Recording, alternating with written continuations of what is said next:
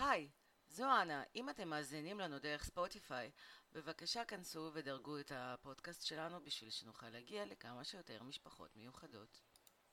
מה העניינים? מה נשמע? טוב, אז תקשיבי, אז עשינו ניסוי, והתחלנו לשאול שאלות דרך פייסבוק, על מה אנשים רוצים שידברו, שוב, זה על אחריותכם בלבד. אתם ביקשתם את זה. אז בעצם, אחת השאלות שקיבלנו, זה האם היינו מקבלות את אותה החלטה, בהקשר של הילדים האוטיסטים שלנו, אם היו באים ונותנים לנו את האפשרות לגלות את האוטיזם בתהליך של שלבים של בדיקות גנטיות, או שלבי בדיקות, כמו שיכולים לגלות את תסמונת דאון, האם היינו שומרים את הילד? האם היינו מקבלים את אותה החלטה? טוב. עכשיו, קודם כל, שנייה לפני זה, סחטיין על השאלה. סחטיין על השאלה. זו שאלה, שאלה מאוד ממש. מאוד מאוד אמיצה ומאוד חשובה, ולכבוד הוא לי, האמת היא, לענות עליה. אני... באמת, זה מאוד מרגש אותי לדעת שאנשים רוצים ללמוד על זה יותר, ואחלה. תביאו עוד.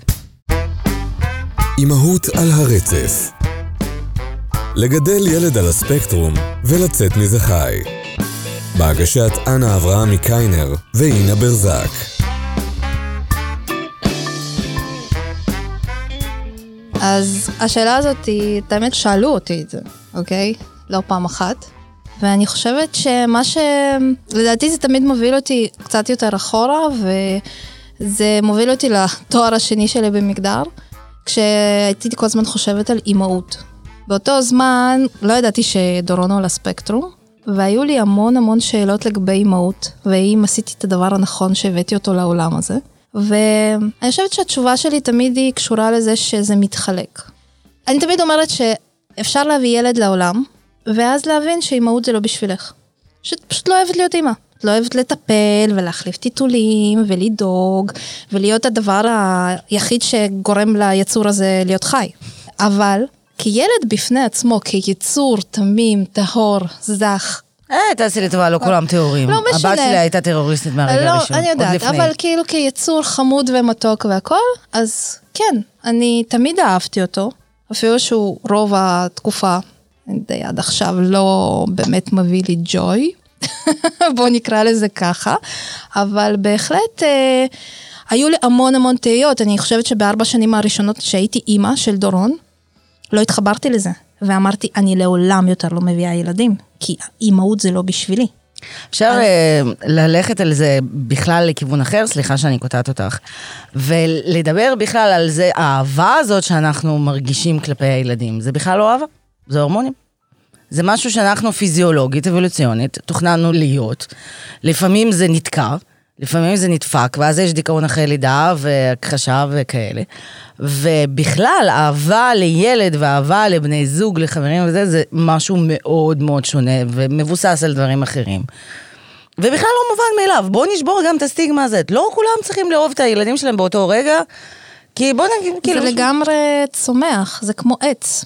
עץ מטפס כזה על קיר, מכירים? שלאט לאט הוא מטפס. ומשתלט על כל הבית. ואז הוא משתלט, ואז באיזשהו שלב אתה כן מבין שזה... אז בואו נחזור לשאלה.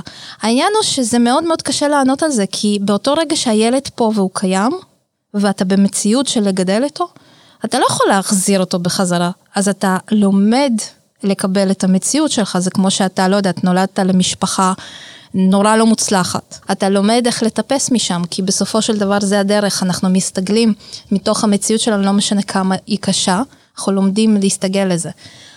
להגיד שאם הייתי מגלה שהילד שלי על הספקטרום, הייתי הולכת על זה, בלי שלדעת מה זה, בלי לדעת איך, מה החוויה של זה, הייתי מתייחסת לזה כמו לכל מום אחר.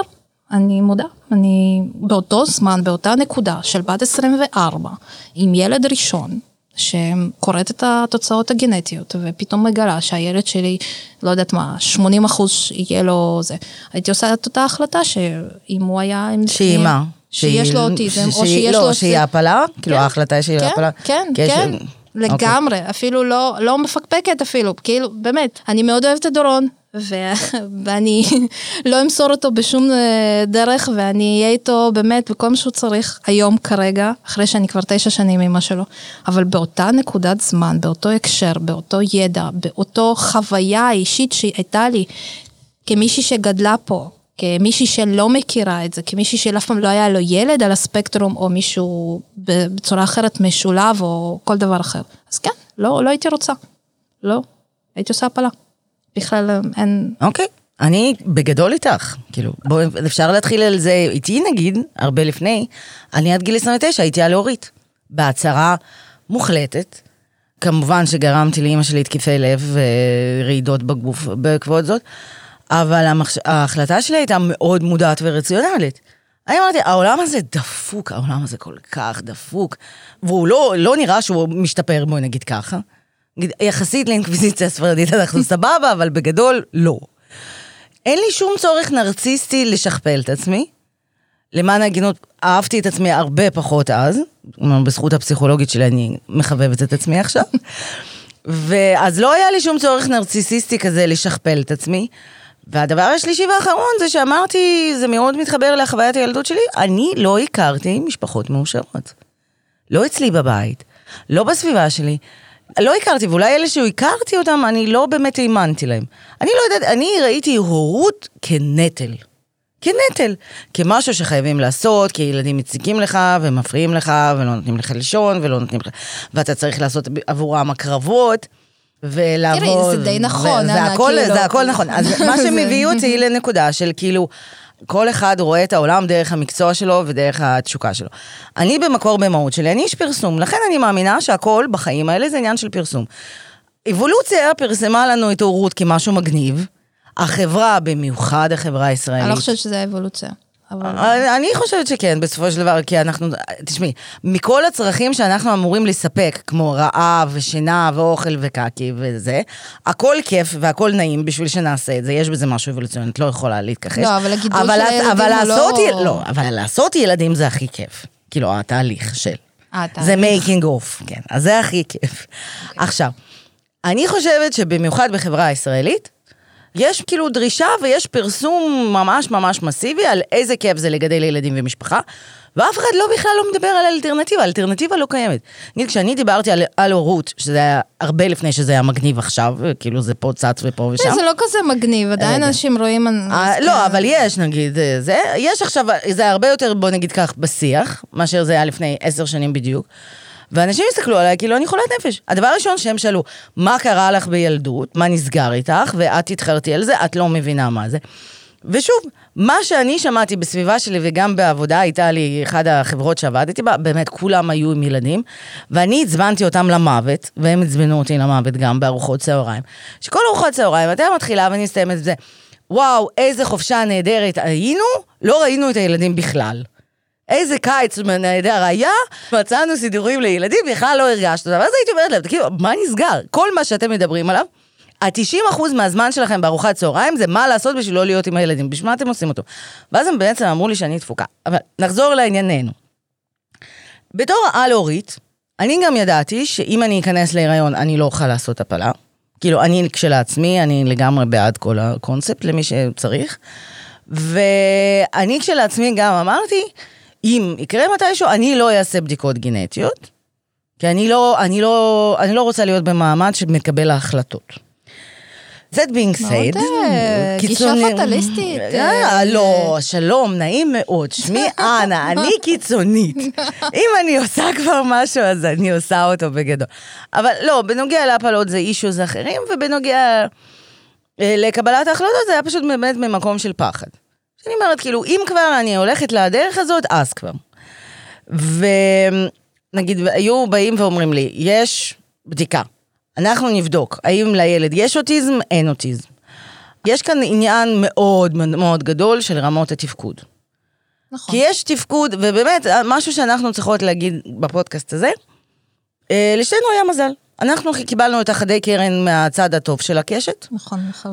ויש לנו מזל מאוד מאוד מאוד גדול, ובזכות עבודה מאוד מאוד גדולה, הצלחנו להזיז אותם לעבר אה, עננים יותר מגניבים של הקשת. ויש אנשים שעבורם, הם, כמו שאני רואה את זה, וסליחה אם אני אפגע מישהו, הם קיבלו מאסר עולם. המשפחה הזאת קיבלה מאסר עולם, יחד עם הילד הזה ועם האבחון הזה, זה משהו שהם לא... זה אף פעם לא ייגמר. זה לחיות בכלא. כל החיים שלך כל המציאות שלך מעכשיו עד היום, עד הנשימה האחרונה שלך, וגם המחשבות של מה יקרה אחרי הנשימה האחרונה שלך, הם סביב זה. וזה הכל פה עניין של הסתברויות. גם כשאת עושה כרגע בדיקות גנטיות ובדיקות אה, שקיפות עורפית, נותנים לך יחסים. ומיחסים האלה את מצליחה לקבל איזושהי החלטה מושכלת, הבלתי אפשרית. אה, ויש הרבה טיעונים על זה. נגיד, אה, הרי מבחינה, אם אני לא טועה, מבחינה רפואית, אפשר לגלות דברים הרבה יותר מתקדמים. אפשר גם לתזמן עוברים עם אה, עיניים כחולות ובלונדינים וכאלה וזה. לא עושים את זה, לא הולכים לשם, יש רגולציה מאוד חזקה, כי האתיקה של האנושות עוד לא התפתחה לשם. אנחנו מאוד מפגרים אחרי הטכנולוגיה הזאת. יש דברים שאנחנו לא אמורים להתערב בהם. אבל זה, זה, בדיוק שאלה מוסרית, בסופו של דבר עד כמה כאילו את רוצה לקחת את הדברים אה, לידיים שלך ולשלוט אם הילד שלך הוא יהיה כחול עיניים או יהיה בלונדיני או... ומה זה אומר בכלל? אז הוא יהיה כחול עיניים, אז זה אומר שהחיים שלו זה יותר טוב ממנו. לא, או שהוא יהיה אתלטי יותר, או ש... ובסופו של דבר התנועה הזאת יוצרת... אה, פחות גיוון, פחות הטרוגניות. ו... ובסופו ו... של דבר מי שיהיה סקסי ויכבוש את כל הבחורות זה המכוער העקום. אם כולם יפים ובלונדינים ואתלטים וזה, אז דווקא העקום, סליחה, השמנמן עם הכפות ידיים הקטנות ושערות באצבעות של הרגליים, הוא יהיה בראד פיט או ריאן גוסלינג. כי הרי מה אנחנו? אנחנו סתם חיות שמסתכלות אה, את מי, אנחנו רוצים, כאילו בואו. אני רוצה להגיד לך עוד משהו, כי את יודעת, יש לי כמה חוקי אושר שעובדים לא רע, ושאחד מהם אומר, שום דבר לא מובן מאליו. שום דבר, כאילו, זה שאת אומרת, זה המציאות שקיבלתי על עצמי, אימצתי אותה, ועכשיו אנחנו נלמד לחיות אותה, והמציאות שלך עם דורון, והמציאות שלי עם דוד, זה מה שקיבלנו, זה מה שאנחנו נחיה ונמצא את הטוב, וזה וואלה, לא מובן מאליו. סליחה, יש הורים שהולכים לקנות סיגריות ולא רואים אותם ב-30 שנה. ויש נטישה הורית, ויש הרבה הרבה הרבה דברים. וגם פה מגיע השקלול הזה של מה עדיף? האם המשפחה הזאת בכלל... יכולה להתמודד, לא רק עם ילד, וילד, אלוהים שיעזור לי, באמת, אף אחד אף פעם לא יוכל להסביר מהצד מה זה ילד ראשון, מה זה שלושה חודשים ראשונים עם ילד שנה ראשון. שנה ראשונה. אז אני, באמת, יש לי חברה, אז היא לא הייתה חברה, אז היא הייתה חברה של uh, בעלי, מורן יפרח, האלופה, שבאה לבקר אותנו כשאני ילדתי את הבת הראשונה שלי, והיא ראתה אותי במצב באמת כאילו, לא טוטל לוסט, קצת הרבה אחרי טוטל לוסט. והיא אמרה לי, אנה, את עוברת חודש ראשון, הקשה ביותר מתוך השלושה. זה חרא, וזה ייגמר. ואני אף פעם לא אוכל להודות לה מספיק על זה שהיא אמרה את זה. זאת הסיבה שהלכתי אחר כך ללמוד הדרכת הורים וליווי אחרי לידה. היא אמרתי, מישהו צריך, כאילו, שיהיה בן אדם הזה בחיים של כל אימא צעירה, שיבוא ויגיד לה את זה, שזה הדבר הכי מטומטם, כאילו, לא מטומטם, כביכול מובן מאליו. אבל הוא בכלל לא מובן מאליו. לא, שום דבר מזה לא מובן, אלא גם אף אחד לא מדבר איתך על הבדידות המטורפת הזאת שאת מרגישה. לא משנה אם יש לך סבתא ודודה ובייביסיטר ולא יודעת מה, והורים אה, של הבן זוג כמו שהיו אצלי, שהייתי מוסרת ביום, ומסרתי. מסרתי את דורון, אני מודה, הוא היה בן חמישה. מס... כשהיא אומרת מסרה, היא אומרת שמה אותו לחצי יום יום, כן? לא, לא, לא, לא, לא. אוקיי, הוא היה בן שבוע, אוקיי? חמותי אמרה, תני לי אותו ולכי תנוחי, נתתי לו אותו ביום חמישי, חזרתי בשבת. אוקיי? מסרתי. בגלל זה יש לו אוטיזם, את רואה? אז...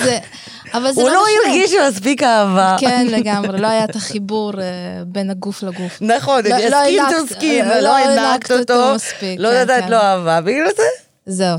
שלא לדבר על העניין הזה של ההנקה אז בכלל. נכון. אה, אנחנו כמובן צוחקות, כן? כאילו, הערות לא, לא משנה כמה ניסיתי, הענקה זה לגמרי משהו מבחינתי, ניסיתי, היה כיף, סבבה, תודה, נגמר. הבנו את הקונספט. נגמר. כאילו לא... אני לא, באמת, גם אני לא, גם אני לא התחברתי. לא, לא, לא. אני גם לא מתחברת לכל תהליך ההיריון. אני אומרת, כאילו, האנושות התקדמה מספיק בשביל שנחזור להטיל ביצים. כאילו, למה הפסקנו להטיל ביצים? בשביל לשמור על העובר, נכון? עכשיו, סבבה, כאילו, בואי נטיל ביצה, נשים אותה באיזה, במקום עם בקרת אקלים וחום וזה. ואמא בינתיים תלך לעשן סיגריות, תשתה אלכוהול, כאילו, לפני שהכל נגמר. כן, אבל אז אה, השנה הראשונה תהיה עוד יותר קשה. לא יודעת. לא, לא, לא, לא כן. המעבר יהיה כל כך חד, במיוחד בראשון, כאילו אחוזי הנטישה יהיו הרבה יותר גבוהים. מה? מה שאת לא בסדר, מדברת כן, על, ה- על הקיצוניות של משהו. הפעמון, אז זה לא יהיה קיצוניות, זה יהיה שם באמצע. לא, לא, אני שונאת להיות בהיריון, באמת, כאילו, כל פעם העליתי 20 פלוס קילו, באמת, ובשבילי זה טראומטי. זה לא רק העניין של 20 קילו, לא, אבל לא, זה עניין לא, של זה- כאילו טפיל שאוכל אותך מבפנים, כן, ועושה בך קקי. כן, כן, סימון דה בבואר, כן. מרגישה. לא. לא, לא, זה לא קשור. לא, אני אמרתי את זה הרבה לפני שהכרתי את סימון די בבואר, כפרה עליה. אבל באמת, כאילו, אני הרגשתי את זה, לא, אז בואי נעזוב. אמרת כפרה עליך. אז את מסכימה איתי לגבי אה, העניין ה... להוריד, ש- ש- להוריד, לא להוריד? לא יודעת. אה, בגדול, לא, אני לא מסכימה איתך. אני אגיד לך גם למה אני לא מסכימה איתך.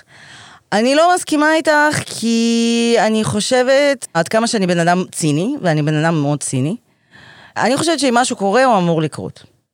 ואם זה העובר, אז אה, כנראה שיש לו מקום בחיים האלה, לכאן או לכאן, ואני לא אמורה לקחת עבורו את ההחלטה הזאת. ואני לא.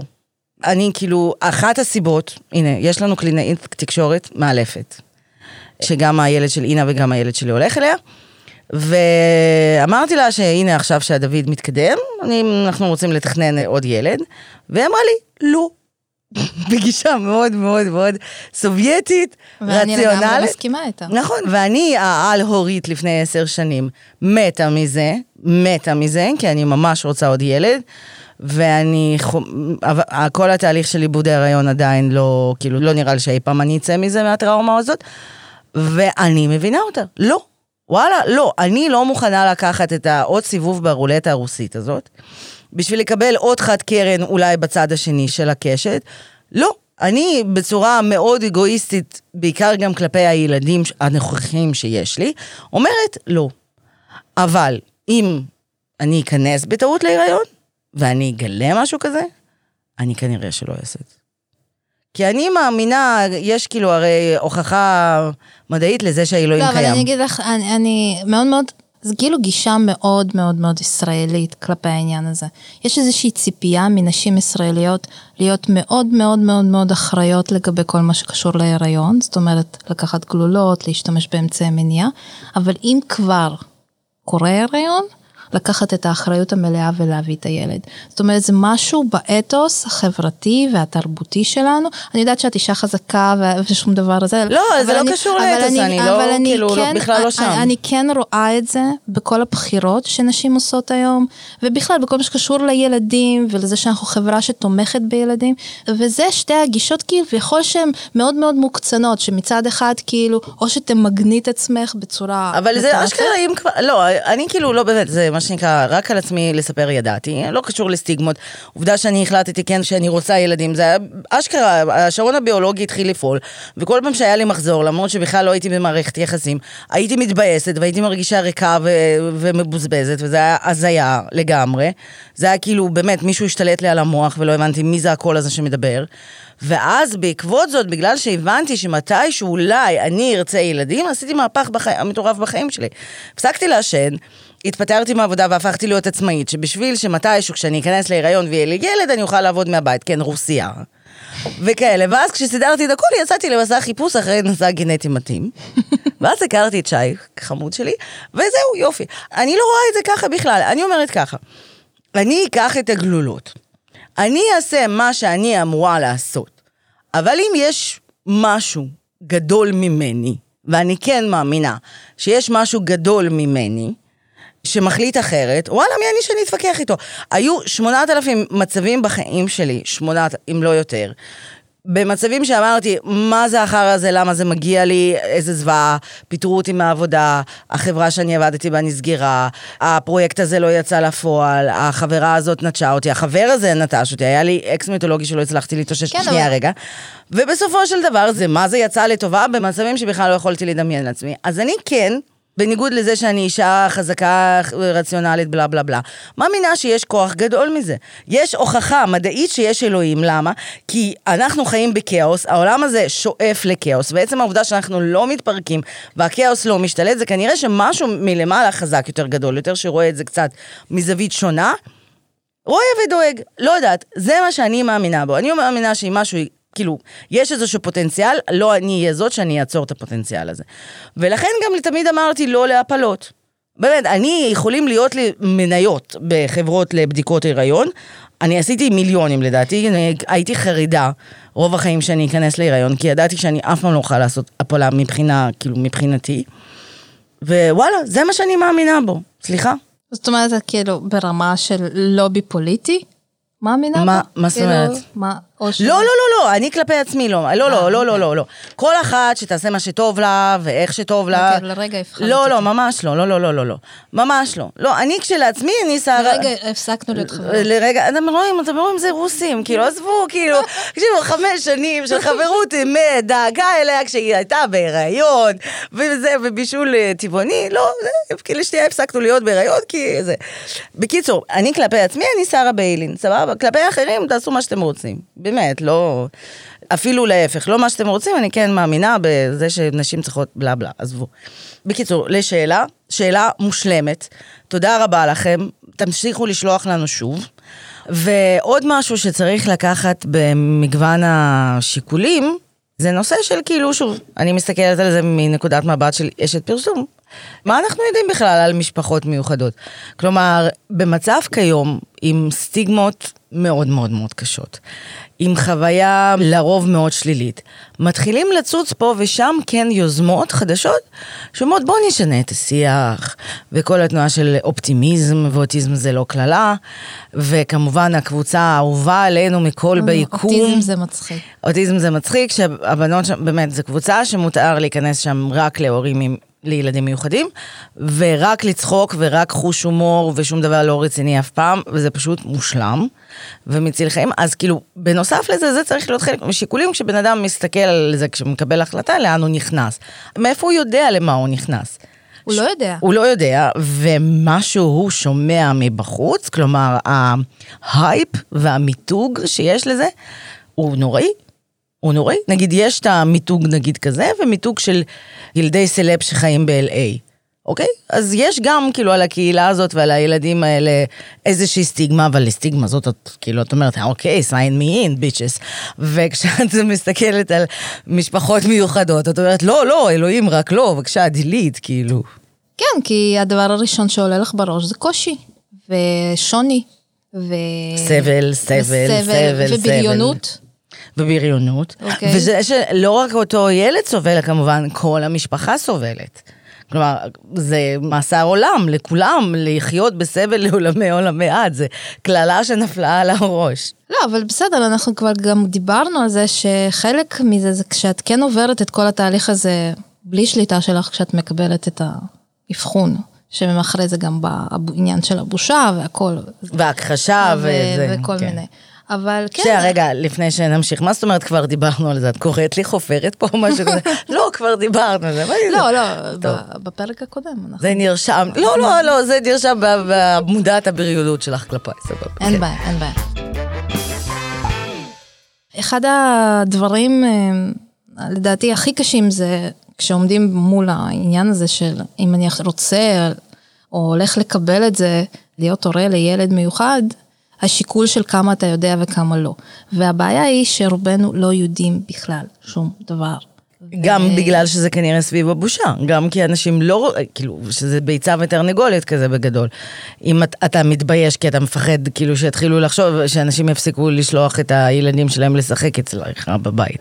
נכון, וכאלה. אבל מעבר לזה, זה כשאתה כבר נהיה הורה לילד מיוחד, אז uh, יש המון המון סטיגמה עליך גם מבחינה של uh, ממסד. זאת אומרת, גם משהו שהוא לא בשליטה, גם אם העולם והחברתי והבית ספר והגננת ו- וכל החברים והמשפחה כן יתמכו, עדיין יש איזושהי תפיסות לגבי הורים עם לילדים מיוחדים. מה זאת אומרת, אה, כאילו, את מתכוונת לכל אה, חבילת המצנח הזהב שקיבלנו בצורת אה, קצבה חודשית ותו נכה, כן, תמותו מקנאה. כן, כן, וכאלה וזה, כאילו, לא, על אבל זה. כ- כאלה שאת באה לקופת חולים ואת פוגשת מטפלים והם כולם הרבה פעמים בהתחלה הם מסתכלים. יודעים. הם יודעים, סתם, נו, מה הם מה? לא, אבל זה לא קשור להם יודעים, זה קשור לזה שהם רואים בך כאימא לא... מה? לא מתפקדת. למה? אם יש לך אבחון כבר, זה כאילו, לא, זה, זה זה- התעודה שאת אימא מתפקדת, לא? לא, אני מתכוונת לזה שלפני שאת מקבלת את האבחון. אה, שאת מגיעה כאילו לקופת חולים והילד עושה צרות וטנטרומים וזורק וכאלה? לא, אבל עזבי, גם כשיש לך אבחון, לך לא אכפת. נגיד, כמו שאת באה אליי הביתה, וכאילו, לך לא אכפת מה הוא עושה. נכון. כאילו, מבחינתו שבאמת כן. יעשה את הדבר הכי גרוע שהוא עושה אצלך בבית לפני שיצאתם. אבל, כאילו, את בסדר עם זה. אבל עדיין בסיטואציות של קניון וקופת חולים, אה. ו- וללכת לאיזשהו מוסד, או שדורש שינויים, לא יודעת מה, נמל לא, עכשיו את מפחידה, עכשיו הם כולם, או, לא, לא, לא, לא, לא, זה משהו רע. לא, לא תמיד, כאילו... לא, את, כשכבר קיבלת אבחון, לא, אני רק זה? אומרת, גם אנחנו סוג של סוכני תרבות, סוכנים של סוכני מכירות, של משפחות לילדים מיוחדים, אנחנו צריכים לתת את המבט הקצת יותר אופטימי, ריאלי, אבל אופטימי, מה. זה הזכיר לי לפני כן, גם אה, אחד המיילסטונס שכל משפחה מיוחדת צריכה לעבור, שאני נגיד עברתי, זו הייתה הפעם הראשונה שאמרתי לבן אדם זר, יש לו אוטיזם, נגיד את עומדת בגינת שעשועים, והילד משחק, ועוד ילד משחק, ואז אימא שלו שואלת, אה, בן כמה הוא? כי לא נעים להגיד כזה, what's fucking wrong, כאילו, מה נסגר, הוא נראה גדול, אבל הוא מתנהג כאילו בן חצי שנה, מה קורה שם? אז לא, זה כזה, בן כמה הוא? ואז את מבינה שבעצם שואלת מה לא בסדר איתו, ואז ידעתי שהרגע הזה יבוא, אני כזה תרגלתי את זה לעצמי בראש. על הפעם ראשונה שאני אגיד לבן אדם זר לגמרי, כן, יש לו אוטיזם. ואז כאילו אחרי שאמרתי את זה, זה היה מאוד מצחיק, כאילו, וקל בצורה מגוחכת. לא, אבל אותי זה מאוד שחרר. אני, מאז שקיבלתי את האבחון, אני תמיד אומרת דרון. הוא- אתה הוא- אוטיסט. לא, לא, הוא על הרצף האוטיסטי, והוא מאובחן אה, על הספקטרום, וזה משהו שהוא, זה מדליה. זה כאילו, אני הרווחתי ילד כזה, ואני פה בשביל לספר לכם, והוא מתפקד חבל על הזמן. נו יופי, מבחינתי נו זה, כן. זה, זה כאילו, אבל את יודעת, זה היה... זה כל סיטואציה, זה- תוסיפי לה מעט רוסיות כזה, הקורטב שזה- רוסיות, זהו, סבבה. זה המסע כומתה. ברור. אוקיי? כאילו, עם הטירונות זה קבלת האבחון, כן, תכלס, כן. שעובר עלייך. אז זה, על השלב הזה זה מסע כומתה, לגמרי. ואת נושאת את הדגל ואת התו נכה, ואת שולפת אותו נכון, בדואר, ואת- ואת כשאת גור- לא צריכה אפילו, והילד מתפקד בסדר, הוא בטאבלט. הילד אבל את בבית, שולפת. ב- הילד בבית עם הטאבלט, כאילו, אם לא הבנתם את זה לא, לא, נכון. לא, לא תמיד. יאללה, באמת. יאללה, איתך, כן, אוקיי, באמת, אוקיי. כן. ואז כזה, לא, אה, לא, שנייה, רגע, צריך. משרד הרישוי זה התוכנית הזאת, היא בדיונית למטרות הומור בלבד, לא, לא, לא, זה בכלל, כאילו, מי את בכלל, גברת, אני לא מכירה. אה, או שאת ביום שישי בסופר, ואת יודעת שהולך להיות טוב הנה בבואו. חיובי, הנה חיובי, לא, חיובי, לא, לא, לא, לא, חיובי. לא, לא, יום שישי בסופר, אוקיי? הולך להיות טוב בבואו. כן. בזה, את צריכה לארח אנשים אצלך. את לוקחת את הילד עם התו. ואת אומרת, הולכת לסופר. תתחיל לזוז בצורה מוזרה. בבקשה. ואת חותכת איתו. את כאילו, את חותכת איתו את התור, ואנשים מסתכלים, וכבר לא אכפת לך, כי את במסע כומתה. לא, עזבי מסקומתה, את בבית במזגן אומרת, יאללה, בני תמותה נחותים שכמוכם. הרו, הרו והריעו למשפחה המהממת שלי. הייתם רוצים להיות כמונו, אבל אתם לא יכולים להרשות לעצמכם. כאילו בסטרס, כזה, יופי, זה, הנה בבקשה, שכל אימא עם ילד מיוחד תמצא את הזמן, תתחיל להקליט פודקאסט, גם זה ייתן לך אפשרות לצאת מהבית, וגם אנחנו צריכים אתכם איתנו להגיד שזה לא סוף העולם. שוב, נגיד, אחת הכוכבות הענקיות ביותר בקבוצה האהובה עלינו מכל, זאת אימא שיש לה שלושה ילדים, באמת מאוד מאתגרים. היא כוכבת על של הקבוצה הזאת. היכולת שלה להסתכל על הדברים ה- שבאמת, אלפית מזה הייתה גורמת לכל בן אדם אחר לבכות בלילה ולהרטיב במיטה במשך חודש, היא הופכת את זה לצחוקים והכל סבבה ואיזה כיף לי, וכאילו כל העניין שם זה בכלל, וזה גם מאוד מתכנת אותך מחשבתית, להסתכל על כל סיטואציה שאומרת, וואי, איזה כמה לייקים אני הולכת לקבל על זה עכשיו, על הדבר, על הבושה לזה- הזאת שאתה עושה לי עכשיו, על זה, וואו. בהמשך לזה, אה, אני הולכת לספר אתנחתא כזאת. אז אה, דורון שלי נשאר בבית איזה יום, והבן זוג שלי רב איתו על משהו, לא משנה, זה לקח, גרם לו משהו של בנים, כנראה כן, משהו מדדו כזה משהו, של עזבו. בנים, בסוף זה הגיע למצב של מי מרוויח יותר כסף בבית ולמי מותר ולמי אסור. ואז הוא אומר, כי שוב, זו משפחה רוסית, אצלכם יש אנשים בני תמותה מאושרים, כמו שטולסטוי אמר, אז אצלכם אתם נמדדים עם הבן שלכם, זה תן לי כבוד, אני אבא שלך, אני נתתי כבוד לסבא שלי, כאלה, ובכלל אתה חמוד ואני אוהב אותך, לא. מי מרוויח יותר כסף? כן. בדיוק. ואז הוא אומר לי את המשפט, לי מותר, כי אני מרוויח יותר כסף. מי אמר את זה, דורון או לא, לא, אריק? זה, אריק. ואז אני אומרת לו, מה זאת אומרת? הוא אומר, כשהוא ירוויח כסף, אני אומרת לו, מה זאת אומרת הוא ירוויח כסף? הוא מקבל 2,600 שקל כל חודש. הוא ממש מרוויח, משלם חצי שכירות פה.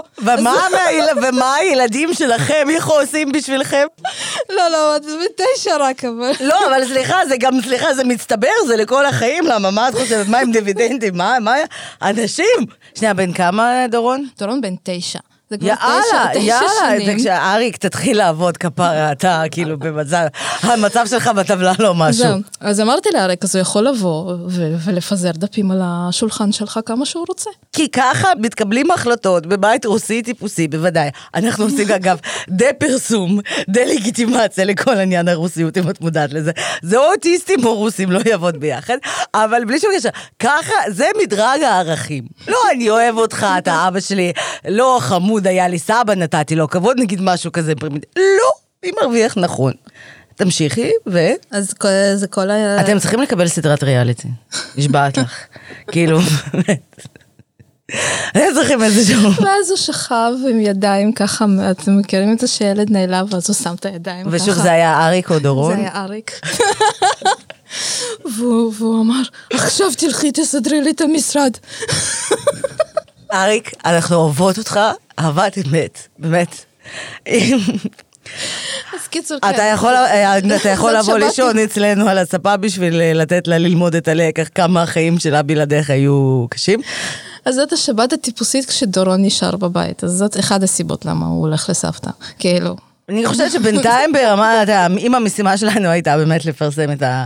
כאילו כל הקטע של אבחון, בינתיים אנחנו סבבה, או שיש כמה אנשים שכרגע מנסים לקפוץ מהגג, או כאילו בואי נראה לא, אבל לתוצאות של... ה- מה זה מצחיק, לא, אני... בוודאי שזה מצחיק, נו, ברור. אבא וילד מדברים מי מרוויח יותר, ובהתאם לזה, למי מותר לעשות בלאגן יותר, אני מתה על זה, מה קרה לך? יש מצב שאני אשתמש בזה מול סתיו. אבל אם לחזור להיות קצת יותר רציניות לשנייה וחצי, אני חושבת שהמשפחות המיוחדות באמת צריכות לעשות לעצמן פרסומת יותר טובה. כי בכל, באמת, כמעט בכל מצב אפשר לראות את הדברים הטובים, ויש בזה יתרונות. אה, למשל, אחד הנושאים שדיברנו עליהם היום, או כבר כמה פעמים, זה עניין של תחרותיות, אוקיי?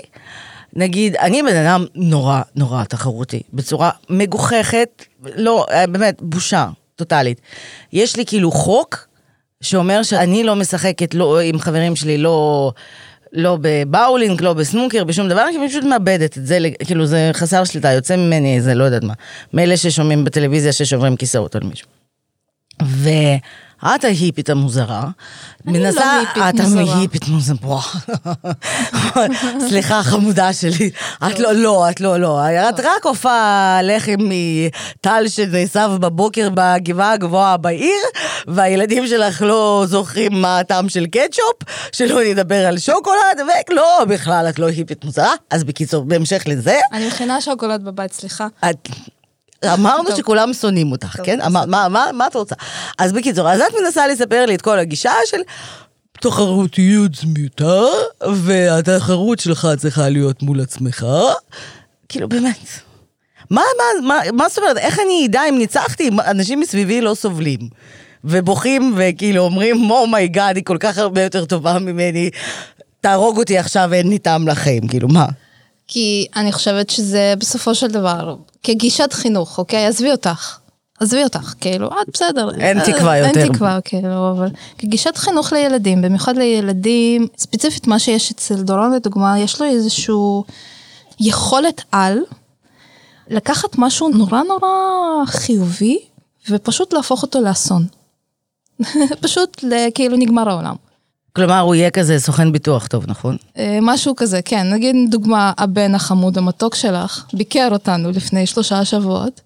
יום ו- רב שחור שייזכר לדורות רבים. וכן, והוא לקח כמה חלקים מהשולחן הלגו של דורון. אמרתי לכם שהיא היפית מוזרה, הוא לא לקח כמה חלקים, הוא מרח אותם על כל הבית, זרק אותם בכל מיני פינות. ו... וזהו, ואני השארתי את זה ככה. ואז הוא עלה למעלה, והוא קרא לי בצורה כזאת. הוא אמר לי, אמא, בואי לפה. וזהו, ואז. הרגשתי, הרגשתי כאילו ארי כועס עליי. זה היה כאילו, או אבא שלי, או סבא שלי, זה היה כזה, טוב, אני עולה בראש מורכן, ואני יודעת שאני הולכת לחטוף מילד בן תשע. bad, I was bad. ומהתפרצות הזעם הזאת, זה כאילו, זה היה כמו ממש פיצוץ שהתפזר לכל החדר, ואז הצטמצם לבכי. אבל בכי מטורף, ממש. כאילו ברמה של התפרקות טוטאלית במשך איזה חמש דקות, שאחרי זה התאספה ועברה הלאה, כאילו לא... זה כמו פצצה גרעינית, זה כן. כזה, יש את הפטריה הזאת, ואז זה מחלחל החו- אל פנימה, כאילו, עם כל האטומים וכאלה. כן, כן, ממש, לגמרי. ועם ילד כזה, לדעתי, זה מה שהביא אותי לאחד המסקנות של זה. עם ילד כזה, לגדל אותו בסביבה תחרותית, וכל הזמן לתת דגש על זה שתראה אותו ותראה אותו, ואתה צריך להיות הכי טוב והכל, זה יהיה הרסני. לכל אותם ילדים שהם רגישים, שהם נמצאים בקצוות, גם אם הם לא על הספקטרום, אוקיי? זה הרסני. כי בסופו של דבר, זה גורם להם כל הזמן לפקפק בעצמם, אוקיי? ולנו. אוקיי? ואני יודעת שאנשים טובים יודעים לעשות ביקורת. כאילו, אנשים שהם טובים במשהו, הם יודעים לעשות ביקורת עצמית ולדבר ממקום של מודעות עצמית, אבל תחרותיות היא מאוד מאוד הרסנית. שלא לדבר על זה שזאת החברה שאת רוצה, כאילו זה ערך שאת רוצה שהחברה שבו הילדים והנכדים שלנו יחיו, שהתחרותיות והשאיפה לסופר מצוינות הזאת זה ערכים עליוניים, יותר עליוניים מקהילה, ממקום של אהבה וקבלה של האחר. תחרותיות מבחינתי היא גם מאוד מאוד שמה את האחר בצד. תשמעי, זה הכל של שאלה של לא עלות תועלת, אבל בגדול של אה, חישוב ובחינת סיכונים.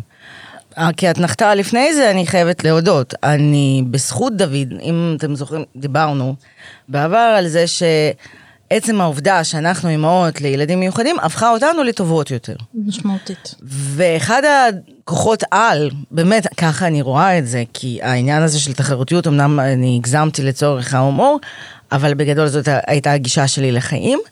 זה מאוד השתנה בזכות דוד. כי הבנתי באמת שלהשוות אותו לילדים אחרים זה לעשות עוול לעצמי ולא כל יום מחדש.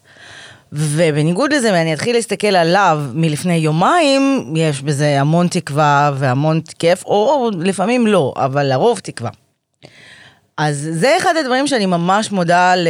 באמת, עכשיו אני אשמע אני כמו איזה היפית מוזרה בקבוצות אה, חיבוקי. זה גרם לי להבין ש...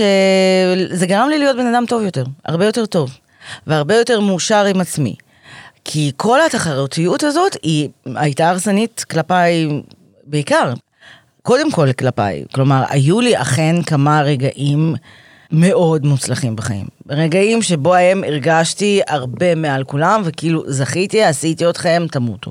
זה היה נורא כיף. באמת. ממליצה. אבל רוב הזמן, אני לא הייתי כזאת.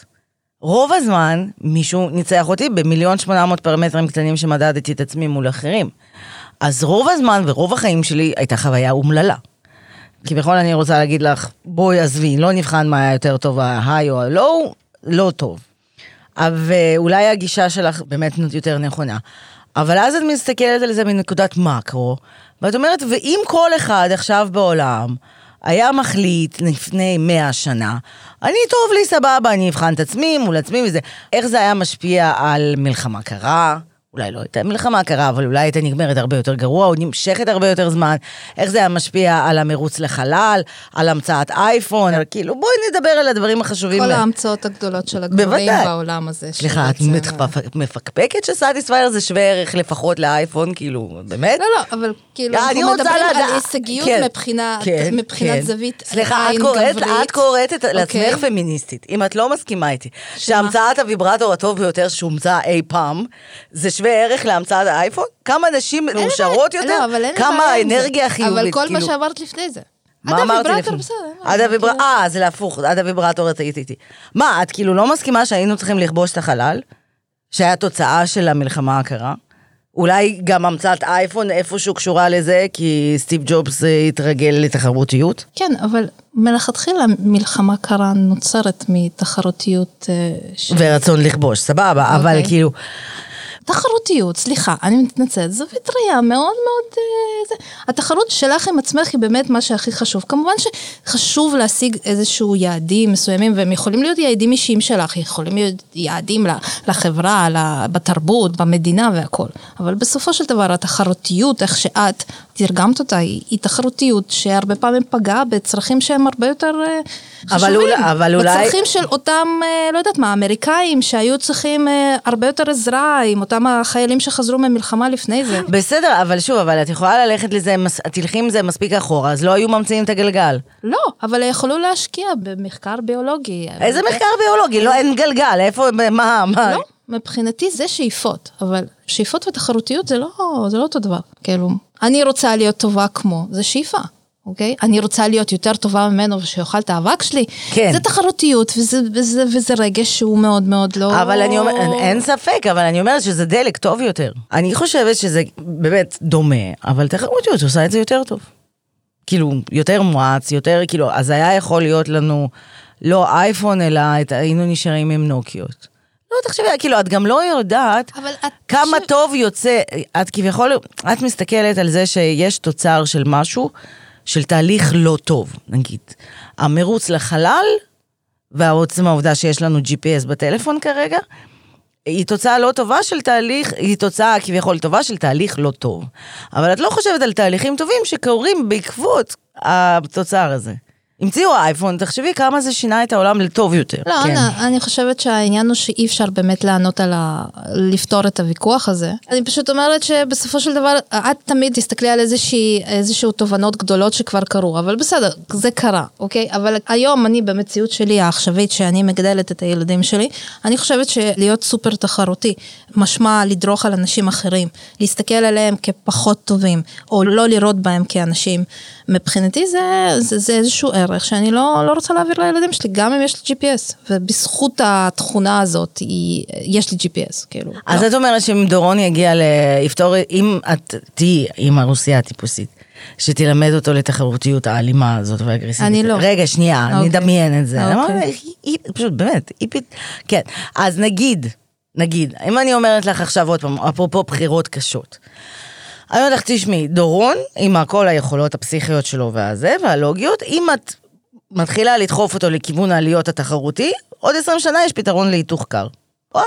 או כאילו סינגולריות אמיתית ופתרון של אה, זיהום גלובלי. או שיאללה, תלמדי אותו להיות, אה, לבדוק את עצמו מול עצמו. וזה אוקיי, מה שחשוב. אני אגיד לך את האמת שהגישה שלך היא סופר סובייטית. כי לגמרי. בסופו- כי בסופו של דבר את אומרת, טוב, בוא נוותר על דורון. לא, זה, אבל זה לא, לא, סליחה, זה, מה זאת אומרת לוותר על דורון? שהמוח המדהים שלו ימציא משהו שישרת את כולנו. אבל המוח המדהים שלו הוא חלק ממנו. למה את מחליטה בשבילו לאיזה כיוון? כי ומה יהיה התפקיד שלו כי בחיים? אני מנסה להתרחק מהמקום שלו, בוא תהיה אקדמאי מצליח, ותתרום לאוכלוסייה, כי זה מה שצריך. והסוציאליזם, והחברה, ותשכח מהחיים הפרטיים שלך, ומהיכולת שלך שיש מצב שאשכרה תהיה לך זוגיות ומשפחה. כי בסופו של דבר לדורון יש כאילו CPU קטן, הוא לא, הוא קשה לו, כאילו, הוא ילד אה, שבהשוואה לילדים אחרים, הוא לא יכול לפתח את הכל במקביל. זאת אומרת, אם אני אתן דגש על זה, אוקיי? אז כל ספציפית- השאר... יש לו כבר את זה, הוא כבר מעל הממוצע. אז עזבי, מה שמעניין אותי, זה כמו שאני אומרת לבית ספר, כשאני מגיעה לשם. לא מעניינים אותי השיעורים שלכם, כאילו. אני שולחת אותו בשביל שיפגוש ילדים אחרים. כאילו, אם היו לי עוד ילדים, את שמונה ילדים, הייתי משאירה אותו בבית, כי הוא לומד לבד. כי מה שהוא צריך ללמוד זה בעצם זה איך זה להיות עם אנשים בניגוד לידע. בדיוק. סבבה, אבל שוב, אין, לדעתי, כאילו, אין לכאן תשובה נכונה, ואת לא תסכימי איתי, כי לדעתך כן יש תשובה נכונה במה עדיף. אבל אני חושבת שזה מאוד מאוד תלוי הקשר, ותלוי המקורות שלך. מאיפה אתה בא, ואיך חינכו אותך, ומאיפה אתה במקור. טוב, אז זהו. אז מאיפה אנחנו במקור? אפרופו, אני בתכף, תכף, אני אהיה כבר בצפון תל אביב, ואני לא אהיה תושבת נגב, ואני אהפוך לבן אדם הזה שצחקתי עליו במשך שש שנים לסירוגין מאוד מאושרות שלי בערד. מה אנחנו חושבות על זה? אנחנו לא, מה אנחנו מרגישות? כי אני עוד לא חושבת כלום על זה. אני אגיד לך את האמת שהדבר הראשון שעולה לי בראש, איך זה הולך להשפיע על הזוגיות שלנו. אני בשוק מזה שאת עוברת, ואני בשוק מזה שאת פה, כמובן, דיבר, אמרתי יום את זה. לפני זה, כן. יום לפני המעבר. אמא, זה לא נכון, זה הוקלט ביום חול. יום לפני זה אני הייתי בבית וארזתי, באמת, ועש- וזרקתי המון, מיינתי, כן, סליחה. לא, בסדר, לקחת מספיק ידיים עובדות, כן? אין מספיק, אני אגרנית, אין מספיק ידיים עובדות בעולם הזה. כל הזה של הצבא הסיני, כל הזה, הם לא, לא מספיק, סתם. לא מספיק. תשמעי, אני לא יודעת גם, עוד משהו שאני, בהוואי האנושי שאני לא מבינה, שאני לא יודעת כאילו איך כזה לעכל את זה, זה שאני לא יודעת איך להתייחס בעצם לזה שרוב האנשים שהכרתי בשש שנים האחרונות, או בכלל, גם אנשים שהכירו אותי, רוב מי שמכיר אותי, מקבל בהלם מוחלט שאני עוזבת את הדרום. כאילו, זה נראה להם כאילו כי בגידה. הם פשוט לא הכירו אותך באמת ב- בעומק. לא, גם חברים לפני זה, כאילו, הם אומרים, מה? את עוזבת את הדרום? אבל זה את, וזה דרום, אבל אני כאילו צריכה להזכיר להם.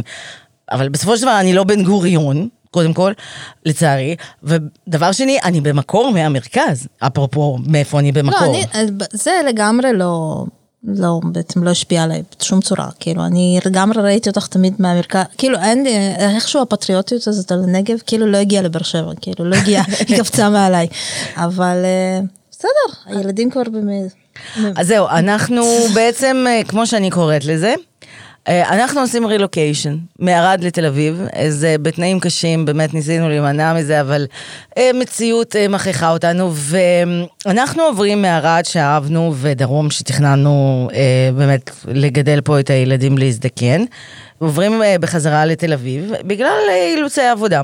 כל העניין הזה הוא כשלעצמו בכלל לא, לא מובן מאליו, כי אנחנו ראינו את כל החיים שלנו, מכל כך הרבה היבטים בדרום, ופשוט לא, לא יכולנו לדמיין לרגע שאנחנו נחזור.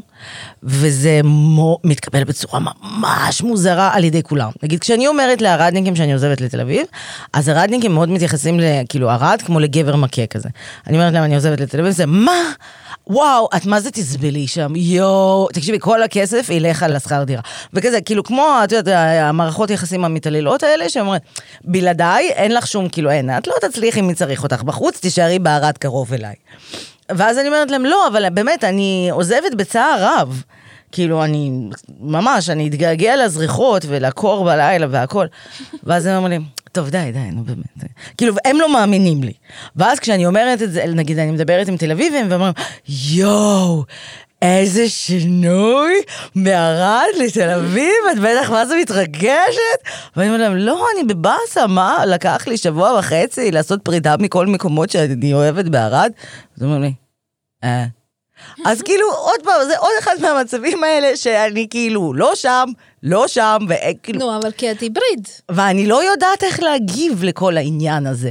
כאילו, אני לא, אני לא יודעת מה אני אמורה להגיד לתל אביבים בשביל שהם ירגישו בנוח עם עצמם, או איתי, ואני לא יודעת מה להגיד לערדניקים בשביל שהם לא יחשבו שאני תופסת עליהם תחת.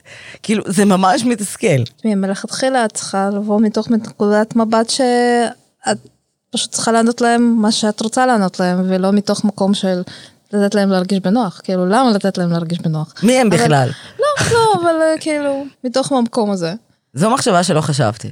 כאילו, זה, זה כיוון, כאילו, חקירה מאוד מרענן, אני ניתן לזה מבט. מה? לחשוב? זה, אבל בא עם המולדת. מה זאת אומרת?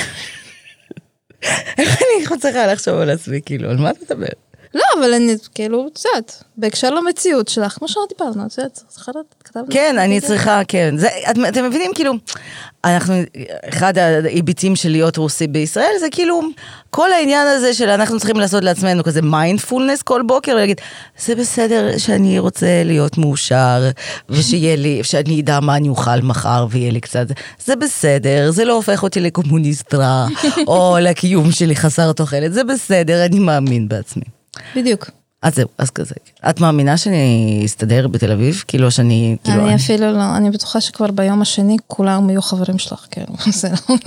לא, לא יודעת, לא, אני הבטחתי לעצמי שאני, כאילו באמת אמרתי לעצמי, אז ככה, שלושה חודשים ראשונים, שום יוזמות, שום רעיונות, שום ארגונים, שום כלום, את רק יושבת מהצד, מחייכת. בסדר. אוקיי, נדבר אחרי שבוע. אז אה, זה הפרק האחרון שאנחנו מקליטות כשאני בעצם תושבת דרום האידיאולוגית ואידיאליסטית וחושבת על הפריחה, וכבר בפרק הבא אני אהיה הרקובה מהמרכז. לגמרי. ואם אתם רוצים לשאול אותנו עוד שאלות, אז בכל תחום, לא רק על אוטיזם. אתם יודעים, יש לי אחלה טעם במוזיקה וקולנוע, כאילו אפשר גם על זה. אבל אם אתם רוצים על דברים רציניים, אז תכתבו לנו, או תשאלו אותנו, ואנחנו נענה. תודה רבה. ביי ביי.